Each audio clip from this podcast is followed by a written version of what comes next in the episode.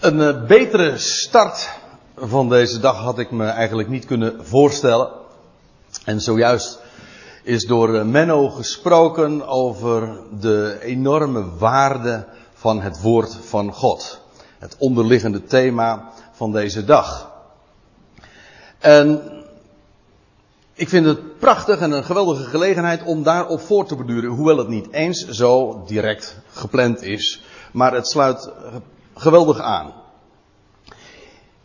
Ik zal daarbij trouwens ook iedere keer, u zult het eh, vanzelf ook zien, dat programma gebruiken wat zojuist is uh, genoemd, ook al in de eerste samenkomst, namelijk, of in de eerste bespreking, namelijk dat ISA-programma, waarbij u ook inderdaad kunt zien, niet alleen de Bijbeltekst, zoals we die lezen in de MBG-vertaling, zoals ik die dan meestal gebruik, maar ook in de interlineair kun je dat dan woord voor woord, zo tussen de regels, vergelijken en checken. U zag in de aankondiging trouwens, en dat is de vrijheid die ik me genomen heb, aanvankelijk had ik gepland om deze bijeenkomst te doen onder de titel van Bijbeluitleg of Bijbelinleg. Maar aangezien ik eh, erg erop gesteld ben om de, de thema's en zelfs de titels en in mijn woordgebruik zo dicht als mogelijk aan te sluiten bij de schrift zelf, dat wat de, de schrift zelf aan woorden ook ons aanreikt, dacht ik, ik ga het vanmorgen hebben over hoe leest gij? En die term, die uitdrukking, die vraag, die is ontleend aan Lucas 10. En dat is een bekend gesprek. Het is namelijk het gesprek dat de Heer had met een wetgeleerde. En na aanleiding van de vraag die hier nu ook gesteld wordt, vindt daar ook een, eh, een, een bekend eh, verhaal plaats, wordt daar verteld. Namelijk het verhaal, de gelijkenis van de barmhartige Samaritaan. En hij, dat is met een hoofdletter Jezus, hij zei tot hem, Jezus dus tot de wetgeleerde, wat staat er in de wet geschreven? En de vraag was namelijk, uh, wie is mijn naaste? En nee, de eerste vraag was, uh, wat moet ik doen om het eeuwige leven, dat Ionische leven te beërven? Nou, en dan stelt de Heer een wedervraag en hij zegt, wat staat er in de wet geschreven? En dan vervolgens, hoe leest gij? Vandaar dus de titel. Hoe leest gij? Dit zijn twee vragen. De eerste vraag is, wat staat er? Gewoon, wat is de tekst? En de tweede vraag is, hoe lees je? Waarbij ik met hoe lees je niet bedoel, en uiteraard is dat ook hier niet de gedachte van, ja, eh, met of zonder bril, of op een tablet, of een, uh, in een boekvorm, of van links naar rechts, of van rechts naar links, of van boven naar beneden. Nee, hoe lees je namelijk qua houding? Dat maakt een heel groot verschil.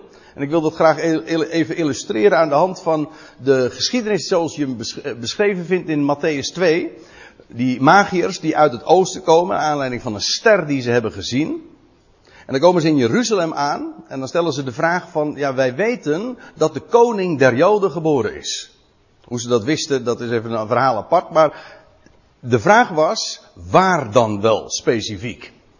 En dan moeten de schriftgeleerden opdraven en die geven perfect het antwoord.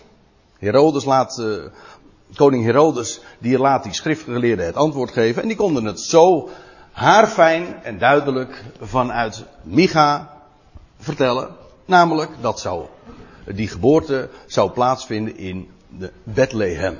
Want dat was namelijk wat voorzegd was. Maar wat je dan zo, zo apart leest, uh, zij wisten weliswaar wat er geschreven stond. Maar geloven deden ze het niet. Ze waren niet geïnteresseerd. Die magiërs die waren enorm geïnteresseerd. Die wilden het weten. Maar die schriftgeleerden wisten weliswaar wat er stond geschreven, maar het, uh, uiteindelijk interesseerde het hen niet echt. Dat blijkt ook wel, want die magiërs gingen kijken en zij niet. En waarbij het dus erom gaat, wat staat er geschreven, maar ook wat betekent dat woord voor ons? En nou ja, zoals we dat in de eerste kamer, samenkomst ook al hebben gezien. Dat woord is alles. De Heer zelf was, we hebben het gehoord, een slaaf. Het ging hem maar om één ding en dat is wat zijn hemelse vader, God, hem te zeggen had. Dat is het enige wat telt. En dat zie je ook, en ik wil u dat laten zien eh, in de, aan de hand van een, eh, een bekende geschiedenis in Matthäus 4, de verzoeking in de woestijn. En dan lees je ook inderdaad dat als het erop aankomt, dat de Heer telkens één antwoord geeft, of één uitgangspunt, en hij zegt, er staat geschreven. Hij wordt verzocht door de tegenstander, Satan, lees je. En dan staat er in vers 4 van Matthäus 4. Maar hij antwoordde en zeide, er staat geschreven. Niet alleen van brood zal de mens leven, maar van alle woord dat uit de mond Gods uitgaat. Of letterlijk door, door Gods mond uitgaat. Daar leeft een mens van. Hoe wist de Heer dat te zeggen? Er staat geschreven. Dat was zijn antwoord op de vraag die hem gesteld werd. Dat was ook het antwoord op de verzoeking die hem tegemoet kwam. Er staat geschreven. Altijd weer, ik geef dit als illustratie omdat het hier echt, er echt ook om spande. Maar het is illustratief voor de hele bediening die de Heer hier op aarde gehad heeft. Maar wat zeg ik, in heel de schrift. We zullen dat straks ook op allerlei andere plaatsen nog zien. Namelijk, het gaat om één ding, er staat geschreven, de schriften. En trouwens, als je nog even verder leest, dan staat er in vers 7, en je, oh ja, dan is het de, de, de tegenstander die ook de Bijbel citeert. En weet je, die zegt, die zegt dan, van ja, maar er staat toch geschreven, en dan citeert hij uit het boek de Psalmen. En als je dan dat even nagaat, wat hij dan doet, is een tekst uit zijn verband rukken. Dus hij kent de Bijbel wel. Dat is een theoloog, die tegenstander. Dat wil zeggen, hij is, ja, het is het eerste, we zullen het straks trouwens ook nog wel zien. Het, het, eerste wat hij doet, is met, over Gods woord gaan spreken, het betwijfelen en verdraaien. Dus hij is, ik zou haast zeggen, beroepsmatig bezig altijd met het woord van God. Alleen wat hij doet is verdraaien. Daar ontleent hij zijn naam ook aan, Diabolos, de dooreenwerper. En wat de Heer dan vervolgens als antwoord geeft, als hij dan inderdaad verzocht wordt met er staat geschreven, namelijk door zo'n tekst uit zijn verband drukken, dan zegt de Heer al wederom, er staat ook geschreven, er staat weer geschreven, gij zult de Heer uw God niet verzoeken. En als je dan nog even later leest, dat is de derde keer, en dan blijkt dat ook het definitieve antwoord te zijn. Toen zei Jezus tot hem, ga weg, Satan, tegenstander. Er staat immers geschreven. De Heere uw God zult gij aanbidden en hem alleen dienen. Dus de vorige conferentie hebben we het over dat vers nog gehad, omdat dit ook een hele mooie aanzegging is wat er met Satan uiteindelijk ook gaat gebeuren. Weet u wat? De Heer zegt hier tegen Satan, je bent nu weliswaar een tegenstander, maar ik zeg je dit. Jij zult de Heere, je God, gaan aanbidden en Hem alleen dienen. Dan is, het, dan is hij dus geen Satan meer. Dat vond hij niet leuk, want hij ging toen ook meteen weg. Maar niettemin, dat heeft hij te horen gekregen. Het gaat mij erom om aan te geven dat het er altijd weer om één ding gaat met, en dat is er staat geschreven. Niet afgaan op je gevoel of op je eigen creatieve mind, je gedachten of je eigen concepten. Nee, het enige wat telt is wat staat er geschreven. En ik wil u in deze bijeenkomst een, een vijftal regels, tips, hoe je het ook maar zeggen wil, aandragen. De eerste zijn echt zeer fundamenteel. Ja, die andere ook. Maar de, het begint hiermee. De eerste fundamentele regels zijn deze. En laat ik dat even illustreren aan de hand van dit plaatje. Dit is een man die zijn hand houdt op de Holy Bible. Hoe zeggen ze dat dan in de Engelse of in de Amerikaanse rechtbank? the truth, the whole truth, and nothing but the truth. Oftewel, de waarheid, de hele waarheid en niets dan. Oftewel, alleen de waarheid. En alle drie die uitspraken zijn ongelooflijk belangrijk. Want het is ook niet hetzelfde wat op drie manieren gezegd wordt. Het onderstreept inderdaad waar het om gaat, namelijk de waarheid. Oftewel, maar nu hebben we het over de waarheid met allemaal hoofdletters. Namelijk, uw woord is de waarheid. Makkelijk te onthouden, Johannes 17, vers 17. Uw woord is de waarheid. Daar geldt exact hetzelfde voor, namelijk de schrift. Dat wat er staat geschreven. Niet de vertaling daarvan, nee, de schrift. En bovendien de hele schrift. En ook niets dan de schrift. Alleen de schrift. Dat zou ik ook nog op zijn Latijns kunnen zeggen. Meer Latijn ken ik niet. Sola scriptura. Hm? Oftewel, de schrift.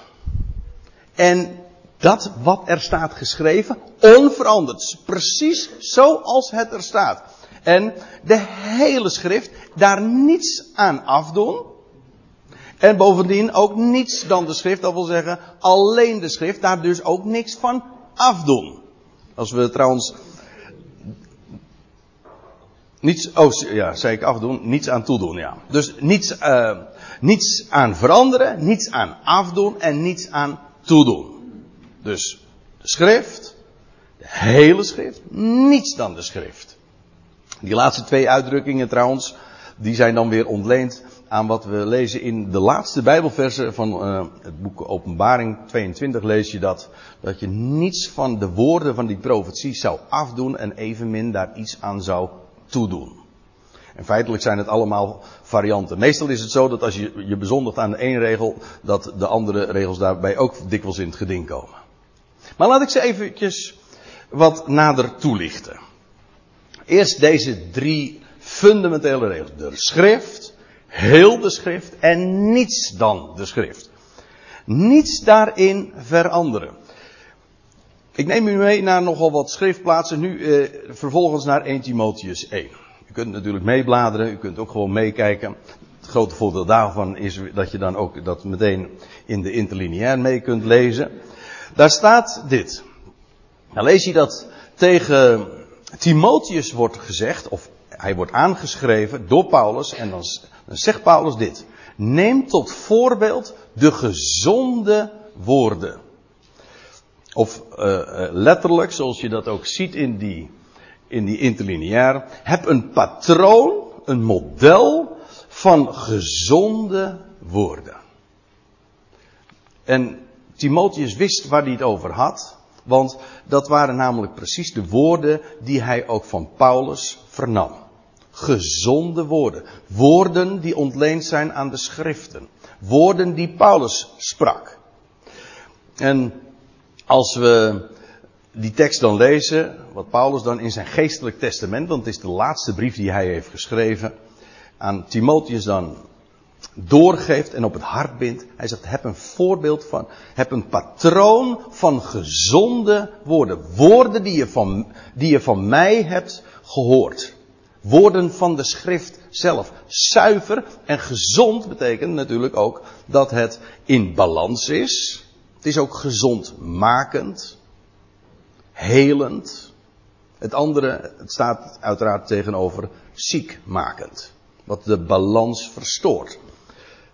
En dat blijkt ook wel, want er wordt erbij gezegd, het zijn woorden van geloof, eh, van gezonde woorden. En in geloof en de liefde die in Christus Jezus is. Een geliefde term van Paul, die je uitsluitend bij Paulus vindt. Christus Jezus, Hij die daarboven is.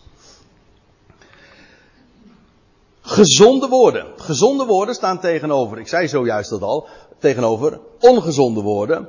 Maar ik kan nog een variant daarop uh, noemen. En dat is een uitdrukking die we vinden in 1 Korinthe 2.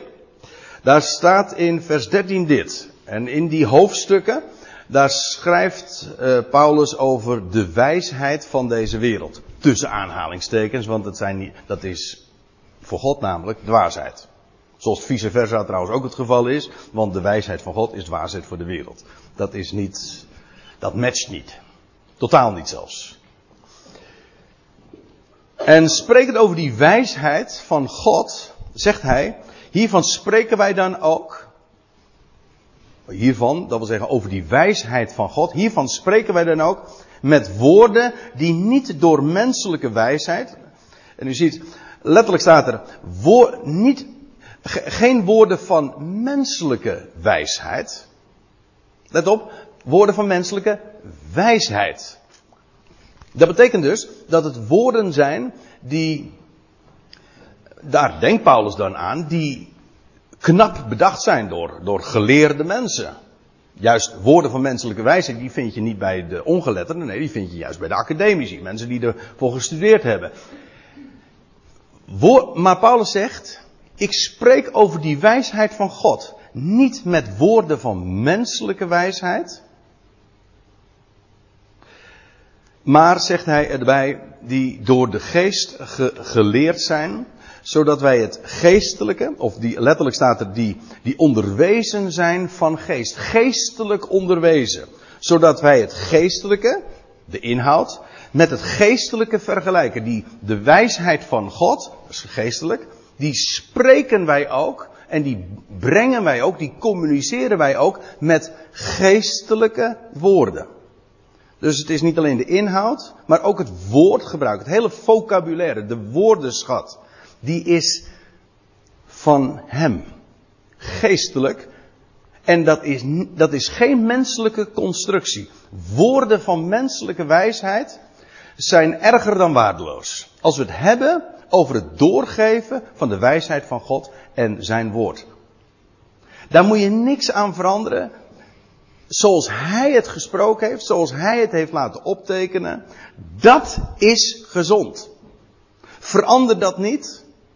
En hoe knap het ook bedacht is. En hoe een geweldige reputatie het misschien ook mogen hebben in de wereld. Dat zou je op zich al. Juist, dat is geen aanbeveling hoor. Integendeel, dat is, dat zou, dan zou alle alarmlichten moeten gaan branden als dat het geval is. Als het in de wereld in achting is. Menselijke wijsheid. Mensen zeggen misschien van, nou, dat lijkt mij een aanbeveling. Nee, voor Paulus is het juist een, een, een predicaat van, uh, het, dat betekent dus dat het niet deugt. Kan niet deugen. Gods wijsheid spreekt hij, wordt gesproken ook met Gods woorden. Met zijn woordenschat. En woorden van menselijke wijsheid, wat, wat zijn dat? Nou, dat zijn woorden die door mensen bedacht zijn als het gaat om de dingen van God. Over, als het gaat om de schriften, als het gaat om de Bijbel, als het gaat om dat wat God gezegd heeft. Dan zijn er zijn talloze voorbeelden. Van woorden die heel een hoge reputatie hebben. Waar je ook niet aan mag zitten zelfs. Omdat ze, ja, die zijn eigenlijk al heilig verklaard. Dat is het toppunt van menselijke wijsheid. Maar hoe kun je ze onderscheiden? Wel heel simpel. Staat het in de schrift of niet? Um, ik zal een paar woorden noemen woorden van menselijke wijsheid. En dit zijn geen beschuldigingen, dit zijn vaststellingen. Ik, ik vind het belangrijk om dat eventjes nu ook heel duidelijk te zeggen. Dit zijn geen beschuldigingen, dit zijn vaststellingen. In de schrift vind je dit woord niet. U zegt maar, is daar dan niet heel lang over nagedacht? En is daar niet over gedubt? En is daar niet zijn daar geen conferenties, concilies over gehouden en zijn niet de knapste koppen daarmee bezig geweest? Ja, dat bedoel ik.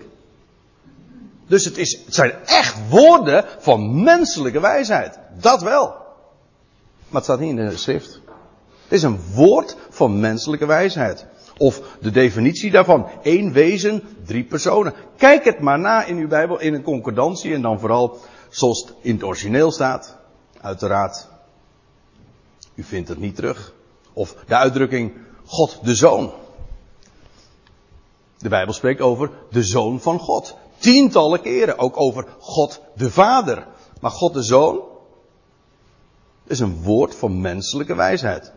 Of wat dacht u van een onsterfelijke ziel? Kijk het maar na. Weet u wat de Bijbel wel zegt? De ziel die zondigt, die zal sterven.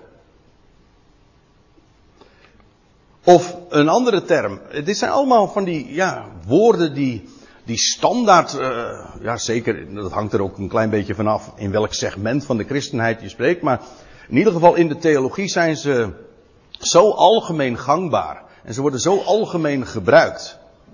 En in elk geval ook in het volksgeloof erfzonde. Bent u het woord ooit in de Bijbel tegengekomen?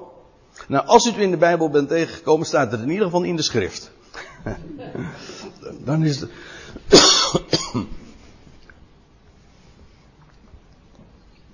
oh.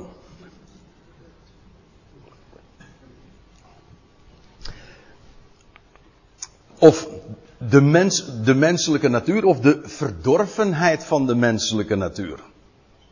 Zegt de schrift dat? Is die, die, die term, het is een, ook een, een, theologisch geëikte frase. Of particuliere verzoening.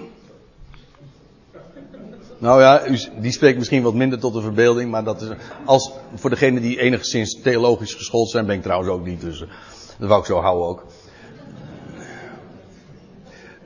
Dan weet u van, hé, hey, uh, daar ben ik nog nooit tegengekomen. Maar het woord hel, die is wat ingewikkelder, want uh, grote kans dat als u, uh, als u zegt, ja, maar dat woord kom ik wel in de Bijbel tegen. Ja, in de Bijbelvertalingen, jazeker. Maar elk, maar elk handboek ook kan u bevestigen, daar, hierover, op het moment dat je dit gaat nazoeken, dat het niet in het origineel staat. Daar staat, als het al eh, in de MBG bijvoorbeeld gebruikt wordt, twaalf keer, dan blijkt het de vertaling te zijn, tussen aanhalingstekens, want het is helemaal geen vertaling. Het is een verandering van het woord. Het is namelijk Gehenna en dat is een plaatsaanduiding, een dal van Hinnom namelijk. Dat is iets totaal anders. Maar dat is een verandering van het woord. Dat is niet de waarheid, dat is niet wat er staat geschreven, dat is projectie, woorden van menselijke wijsheid, of van menselijke onzin, maakt me niet uit, maar het is projectie in de schrift. In de schrift. En men, en men heeft het in de Bijbel gebracht. Ja, daarom is het zo, is dat zo enorm nauwgezet werk. Om, als je de schrift doorgeeft. Om, de, om inderdaad de waarheid te vernemen. Daarom vind ik zo'n interlineair, een, een één op één weergave. Dat is een geschenk uit de hemel. Zodat je echt kan controleren. Dat je de schriften kan nagaan, zoals die Bereërs dat ooit deden. Of het inderdaad zo is, dat klopt. Nou ja, we hoorden zojuist trouwens al nog een ander woord. Eeuwigheid komen we hoeveel keer was het ook alweer, Menno? Uh, in ieder geval heel veel keren tegen, honderden keren in de, in, in de vertalingen. Maar in de schrift staat, de schrift spreekt van Aion. Of verzoening door voldoening. Nou ja, ik, uh, ik, kan nog wel even doorgaan, maar ik wil daar niet te veel op, op focussen. Ik wil u alleen maar zo even wat, wat voorbeelden zo geven van woorden van menselijke wijsheid. Dat als er over de Bijbel gesproken wordt, wordt dat soort vocabulaire dikwijls gebezigd en staat niet geschreven. Zet je op een dwaalspoor. Het is niet de schrift. En dan regel 2. De hele schrift. Dat wil zeggen, niets van die schrift ook afdoen. Ik wil u dat toelichten aan de hand van uh, een bekende geschiedenis in Lucas 24. Het is dag dat de Heer opstond uit de doden, opgewekt was uit de doden en zich dan vervoegt incognito bij twee mensen, twee mannen die op weg zijn naar het plaatsje Emmaus. En dan doen zij hun relaas over alles wat er gebeurd is en met Jezus van Nazareth. En nou ja, ik ga er even gemakshalve vanuit, anders moet ik het helemaal uh, gaan vertellen. Maar ik ga er gemakshalve vanuit dat u de geschiedenis kent. En Jezus hoort hen al die tijd aan. En ook hun commentaar en hoe erg het is. En thans is het reeds de derde dag, zeggen ze dan. Dat is dan ongeveer het laatste. Het is nu al zo, zo lang. Uh, het is nu dus wel heel duidelijk hopeloos, want het is al de derde dag. Als ze de schrift hadden gekend, dan hadden ze, dan hadden ze met het zeggen van het is thans reeds de derde dag, hadden ze zichzelf erop kunnen betrappen. Oh, maar wacht even. Enfin. En dan neemt die vreemdeling, want zij weten niet met wie ze van doen hebben, neemt het woord. En dan, en dan hij, hij, dus Jezus, zei tot hen, die, die gangers, de, die uh, mensen, ja, ja ik, uh, ik moet altijd denken aan uh, Fons Jansen, die had het over de Emmaus gangsters, maar dat, de Emmaus gangers. Hm? De Emmaus gangers, en hij zei tot hen, o onverstandigen, je begrijpt het niet.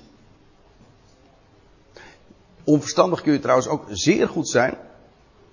Als je zeer geleerd bent. Maar geen, desondanks, geen begrip hebt van wat er werkelijk aan de hand is. En wat er werkelijk staat geschreven. Dat je het niet, dat je misschien wel geleerd bent, maar dat je het niet verstaat. Geen verstand hebt dus. En hoe komt dat? Omdat je traag van hart bent. Langzaam, traag van hart. Hoezo dan? Dat je niet gelooft alles wat de profeten gesproken hebben. Kijk, deze mannen, die hadden een, een messiasverwachting. Trouwens, daar geven ze ook blijk van tijdens dat gesprek, want ze zeggen van ja, wij hadden, wij hadden gehoopt dat hij het was die Israël zou verlossen.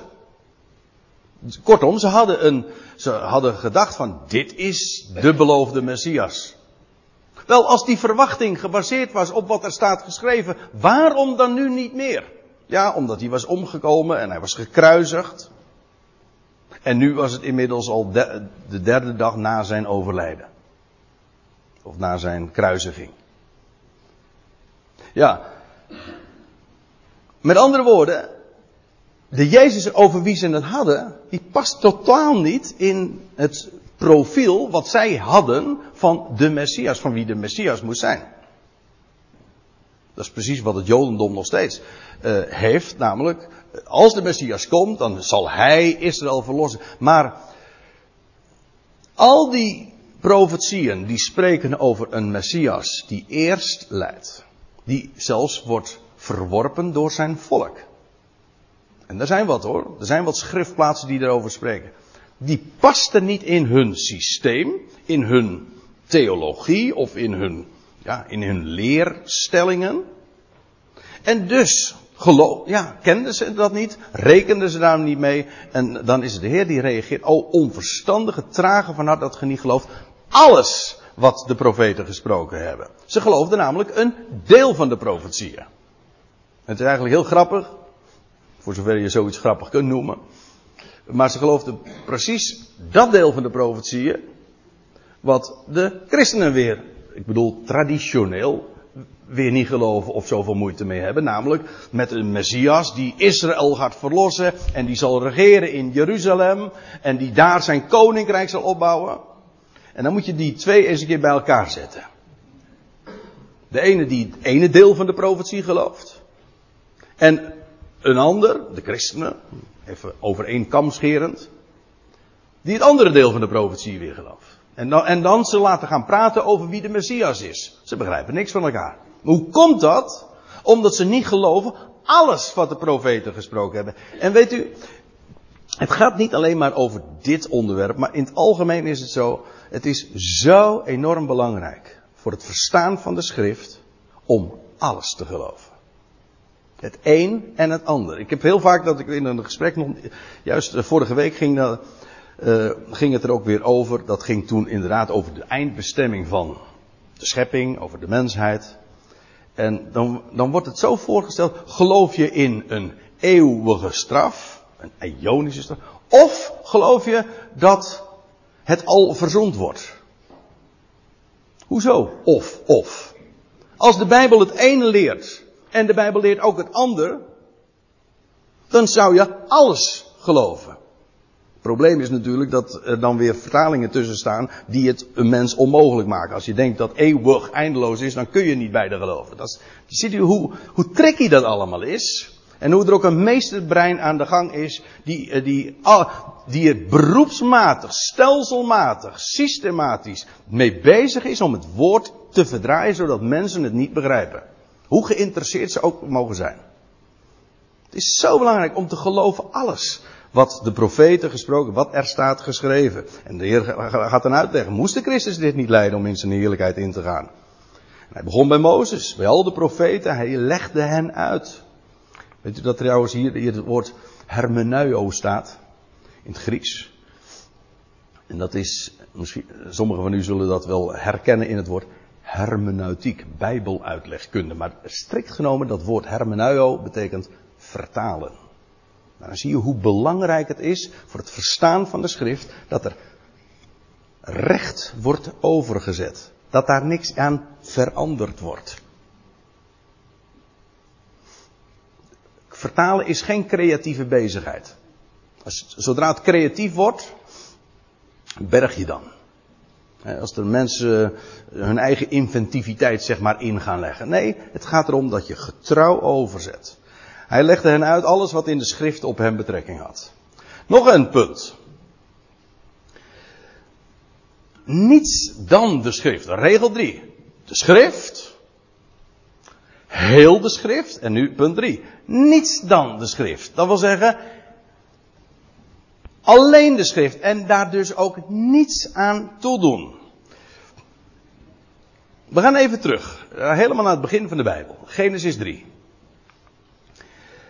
Daar lees je, dat was, ik, ik uh, zinspeelde er zojuist al eventjes op, op dat eerste theologische gesprek dat in de Bijbel wordt vermeld. Namelijk een gesprek over Gods woord. Wat heeft God gezegd? Het was dus in de strikte zin des woord theologiseren. Redeneren staat er in, de, in het woordenboek geloof ik. Theologiseren betekent redeneren over geloofszaken. Nou, dat deden ze daar in de hof. Nou, en dan lees je de slang de, nou ja, daar, daar zit er nog wel wat aan vast. Ik, ik, ga, er nou over, eh, ik ga er nu snel overheen, want anders kom ik niet aan mijn zestigste dia toe. Uh, uh, de slang nu was het listigste van alle dieren des velds die de Heere God gemaakt had. En, en zij zeiden tot de vrouw, God heeft zeker wel gezegd dat gij niet zult eten van enige boom in de hof. In de eerste plaats, hij zet een vraagteken bij wat God gezegd heeft. Dat is een hele goede manier om ook vervolgens inderdaad twijfel te zaaien. En vervolgens, wat hij doet, is meteen al het woord verdraaien. Want dat had God juist niet gezegd. Van alle bomen zul je eten. Kun je eten. En van één boom niet. Dus dit was een regelrechte verdraaiing. Oké. En dan reageert de vrouw, die gaat het gesprek aan. Dat is uh, niet erg verstandig geweest van deze dame. Maar goed, we zullen er niet al te veel over kwaad spreken, want het is wel ons aller moeder. Hm? Ja. Toen zeide de vrouw tot de slang: Van de vrucht van het geboomte van in de hof mogen we eten. Maar van de vrucht van de boom die in het midden van de hof staat, heeft God gezegd: Gij zult daarvan niet eten, noch die aanraken, anders zult gij sterven. En dit is een hele fraaie illustratie, meteen al in het begin van de Bijbel, van iets toevoegen aan wat God gezegd had. Want kijk het maar na in Genesis 2. God had gezegd, je zult van die boom niet eten. Er staat niet, die, nog die aanraken. Dat, dat maakt, dan maak je het misschien wel heiliger, maar maar dat, heb, dat heeft Gods woord helemaal niet nodig. De grootste respect bewijs je ten opzichte van het woord. Niet door eraan toe te voegen. Ook al lijkt dat heel vroom en heilig. Maar juist door gewoon het te nemen zoals het er staat. Dit is een toevoeging aan het woord van God. Nou, en dat gebeurt wat hoor toevoegen aan het woord van God. Kennelijk met de gedachte dat het woord van God niet compleet zou zijn. Nou, daar wil ik niet te veel over vertellen, want de volgende spreker die gaat daar wat meer over vertellen. Maar één eh, schriftplaats wil ik dit, eh, in dit verband even vermeld hebben. Marcus 7. Daar lees je dat de Heer in gesprek is. Ook weer met schriftgeleerden. Met degene die ook weer ja, bezig zijn met de schrift. Maar juist daar had de Heer zoveel problemen mee. Of nou, misschien moet ik het beter omkeren. Zij hadden zoveel problemen met hem. In ieder geval, er was altijd conflict. Altijd conflict met dat wat mainstream, wat, wat, wat men zei over Gods woord. En de Heer die niet over het woord van God sprak, maar vanuit het woord sprak. Er staat geschreven. En van daaruit onderwees. Dat is een wereld van verschil. Theologie is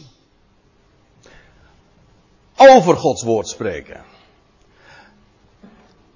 Gezond is, dat is geen menselijke wijze, maar geloof, dat is vertrouwen op wat Hij gezegd heeft en dat gewoon naspreken. Weet u dat het woordje beleiden eigenlijk ook gewoon betekent hetzelfde zeggen? Gewoon napraten, als een papegaai. Gewoon, hij heeft gezegd. Hij heeft gezegd en dus is het zo.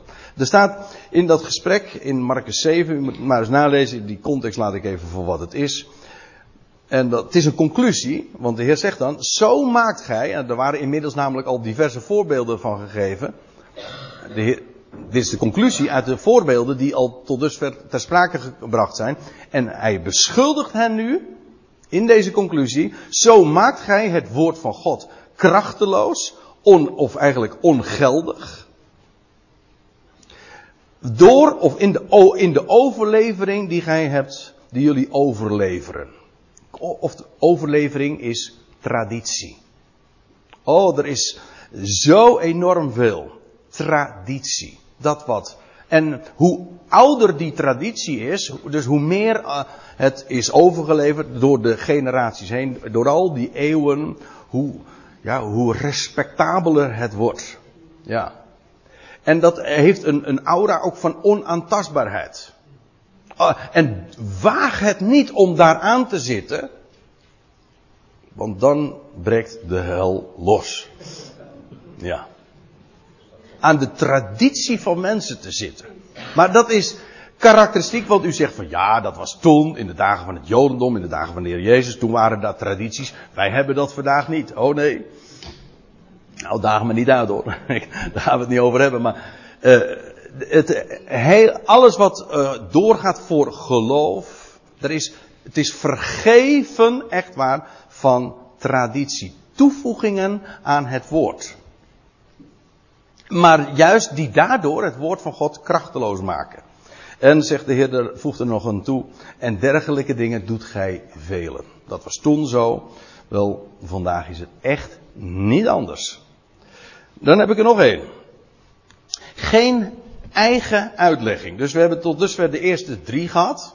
Ontleend aan wat er in de rechtbank gevraagd wordt. De waarheid. Heel de waarheid.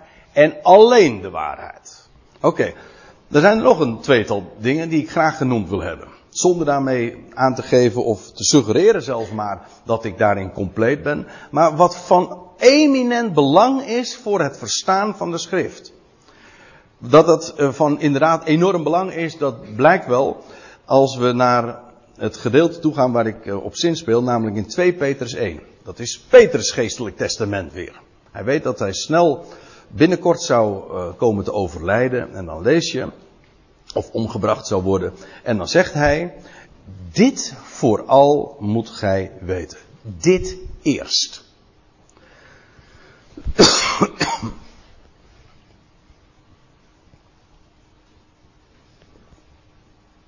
Sorry. Dit moet gij eerst weten. Dat geen profetie van de schrift, of geen profetie van geschrift, een eigen uitlegging heeft. Ja, er staat in de MBG-vertaling een eigenmachtige, maar een eigen uitlegging. Ik meen dat de Statenvertaling dat ook op deze wijze weergeeft. Niet van eigen uitlegging is. Het idee daarbij is dat een profetie of een, godspraak of een voorzegging iets, een deel in de schrift. Vanuit Hebreeuws is profetie een godspraak. Geen profetie der schrift heeft een eigen uitlegging. En het is met opzet dat ik een, een illustratie van een puzzel daarbij heb gegeven. Want weet u, de Bijbel is, niet een heil, is geen heilig boek. De Bijbel is een, het woord Bijbel suggereert het al, betekent bibliotheek. Het is een verzameling boeken.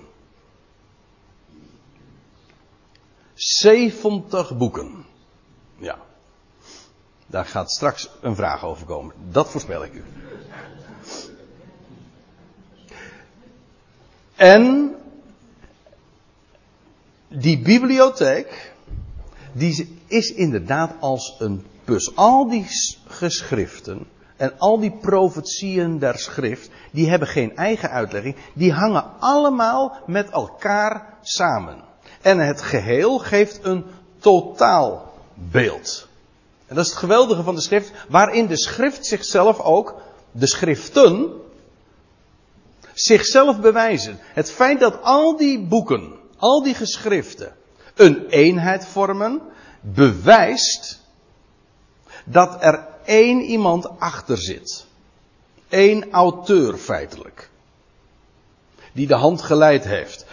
En daarom is geen profetie van de schrift een eigen uitlegging. Het betekent, profetieën der schrift, die leggen elkaar uit.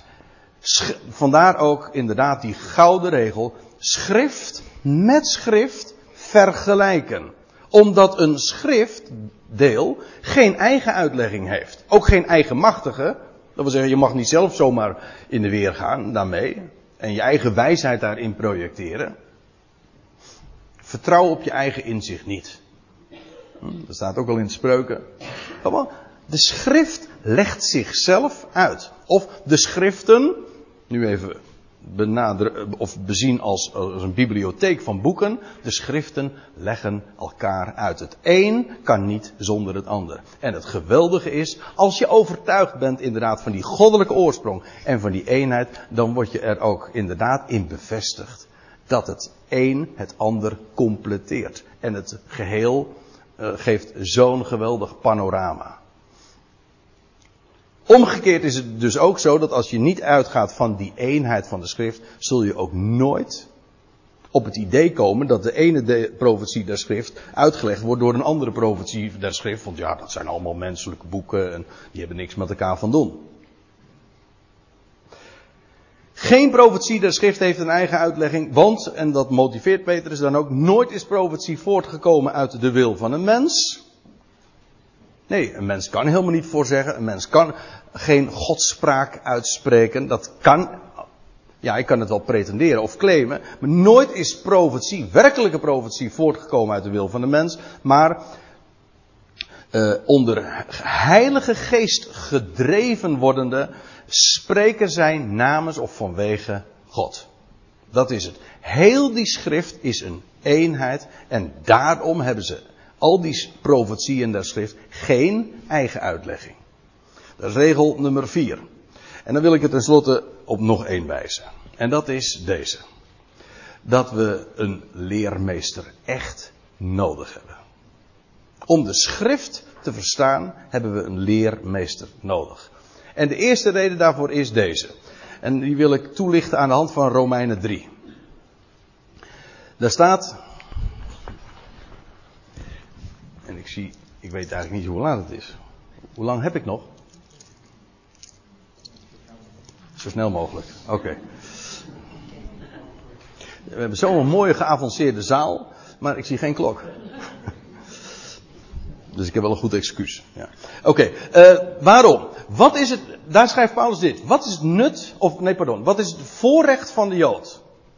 Of anders, wat is het nut van de besnijdenis? Om tot dat volk te behoren dat besneden is. En dan geeft Paulus het antwoord, nou veel in elk opzicht.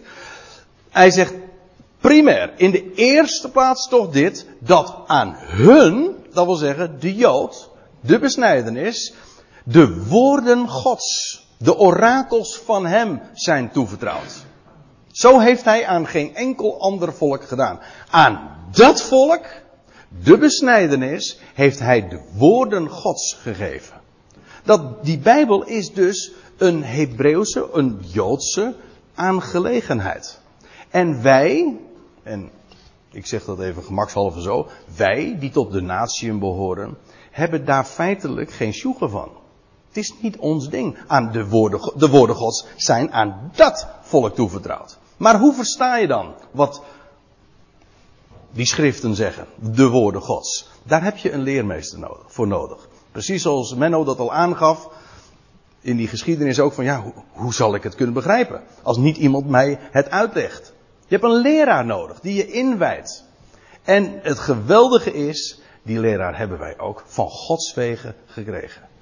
En daarom is het zo belangrijk om de schriften te openen.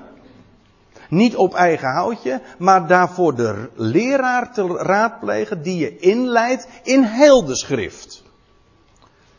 En dat dat inderdaad zo is, dat uh, bewijst, ik wil u één voorbeeld geven. Uh, 1 Timotheus 2, daar schrijft Paulus dit. Ik ben daartoe, ja dat is, hij had net zijn mission statement, zoals dat tegenwoordig zo deftig heet. Een, woord van menselijke wijsheid trouwens. Uh, afgeleverd. Dat wil zeggen, hij had aangegeven waartoe hij gezonden was. Om bekend te maken dat er één God is. Die wil dat alle mensen gered worden. Dat, is, dat stond in vers 2, 3, uh, of vers 3 tot en met 6. Eén God die wil dat alle mensen gered worden. En komen tot besef van de waarheid. Want er is één God. En ook één middelaar van God en mensen, de mens Christus Jezus, die zichzelf geeft tot een losprijs voor allen. En dan zegt hij, en ik ben, ik ben daartoe, om dit te vertellen, om dit uit te dragen, ik ben daartoe als een verkondiger en een apostel, eigenlijk letterlijk een, een heraut. Gewoon iemand die dat aankondigt en afgevaardigd. Hoogst persoonlijk geroepen vanuit de hemel door Christus Jezus zelf, een apostel, een afgevaardigde van Christus Jezus. Ik, zegt Paulus, ik ben als een heraut en een apostel gesteld. Hij zegt, hij benadrukt, ik spreek waarheid. Denk erom. Geen leugen. Als een leermeester van natie in geloof en waarheid. Een leraar der, ja, der, der heidenen, hè, maar er staat gewoon eigenlijk het woord natieën. Wij uit de natie, God gaat vandaag een weg, ik ga dat nu niet toelichten, maar God gaat vandaag een weg buiten Israël om. Door hun val is de heil naar de natie gegaan. En Paulus is die apostel der natie. En vandaag zouden wij onze oor te luisteren leggen bij hem. Niet omdat de rest van de schrift niet van belang zou zijn. Integendeel, hij voert ons juist in de geheimen van die schrift. Maar bij hem moeten we wezen. Hoe weet ik dat? Wel, God heeft hem daartoe gesteld. Tot als een leraar van natieën. Begin bij Paulus. Dan ben je trouwens nog niet zomaar klaar hoor. Als je daar begint. Begin maar met de Romeinenbrief. Met de fundamentele uiteenzettingen. En met al die geheimen die hij te melden heeft. En ontdek dan ook inderdaad hoe je heel de schrift ingewijd wordt. En het is geweldig om, om zo ook de schrift te verstaan. En een leraar te hebben om die Bijbel te begrijpen. Nou, tijd voor een samenvatting. Hoe lees je? Dat was de vraag. Hoe lees je? Niet alleen wat lees je, maar hoe lees je? In de eerste plaats, de schrift. Verander daar niets aan. Twee, heel de schrift. Niets daaraan toedoen. En, oh, nee, ik, ik zit nu, uh, ik heb een, een, foutje gemaakt in de presentatie ik. Heel de schrift, niets daaraan afdoen natuurlijk, dat moet hem wezen. Uh, en, regel 3, alleen de schrift, niets daaraan toedoen. Bedenk daarbij dat geen profetie der schrift een eigen uitlegging heeft. Schrift met schrift vergelijken. En punt 5, we hebben een leraar nodig. Wij uit de natieën om de schrift te verstaan. God heeft die leraar gegeven. Namelijk Paulus. Bij hem moet je wezen. En daarover valt nog veel meer te vertellen, maar deze dag duurt ook nog langer. Dus ik zou zeggen, daar gaan we het eh, in het vervolg over hebben.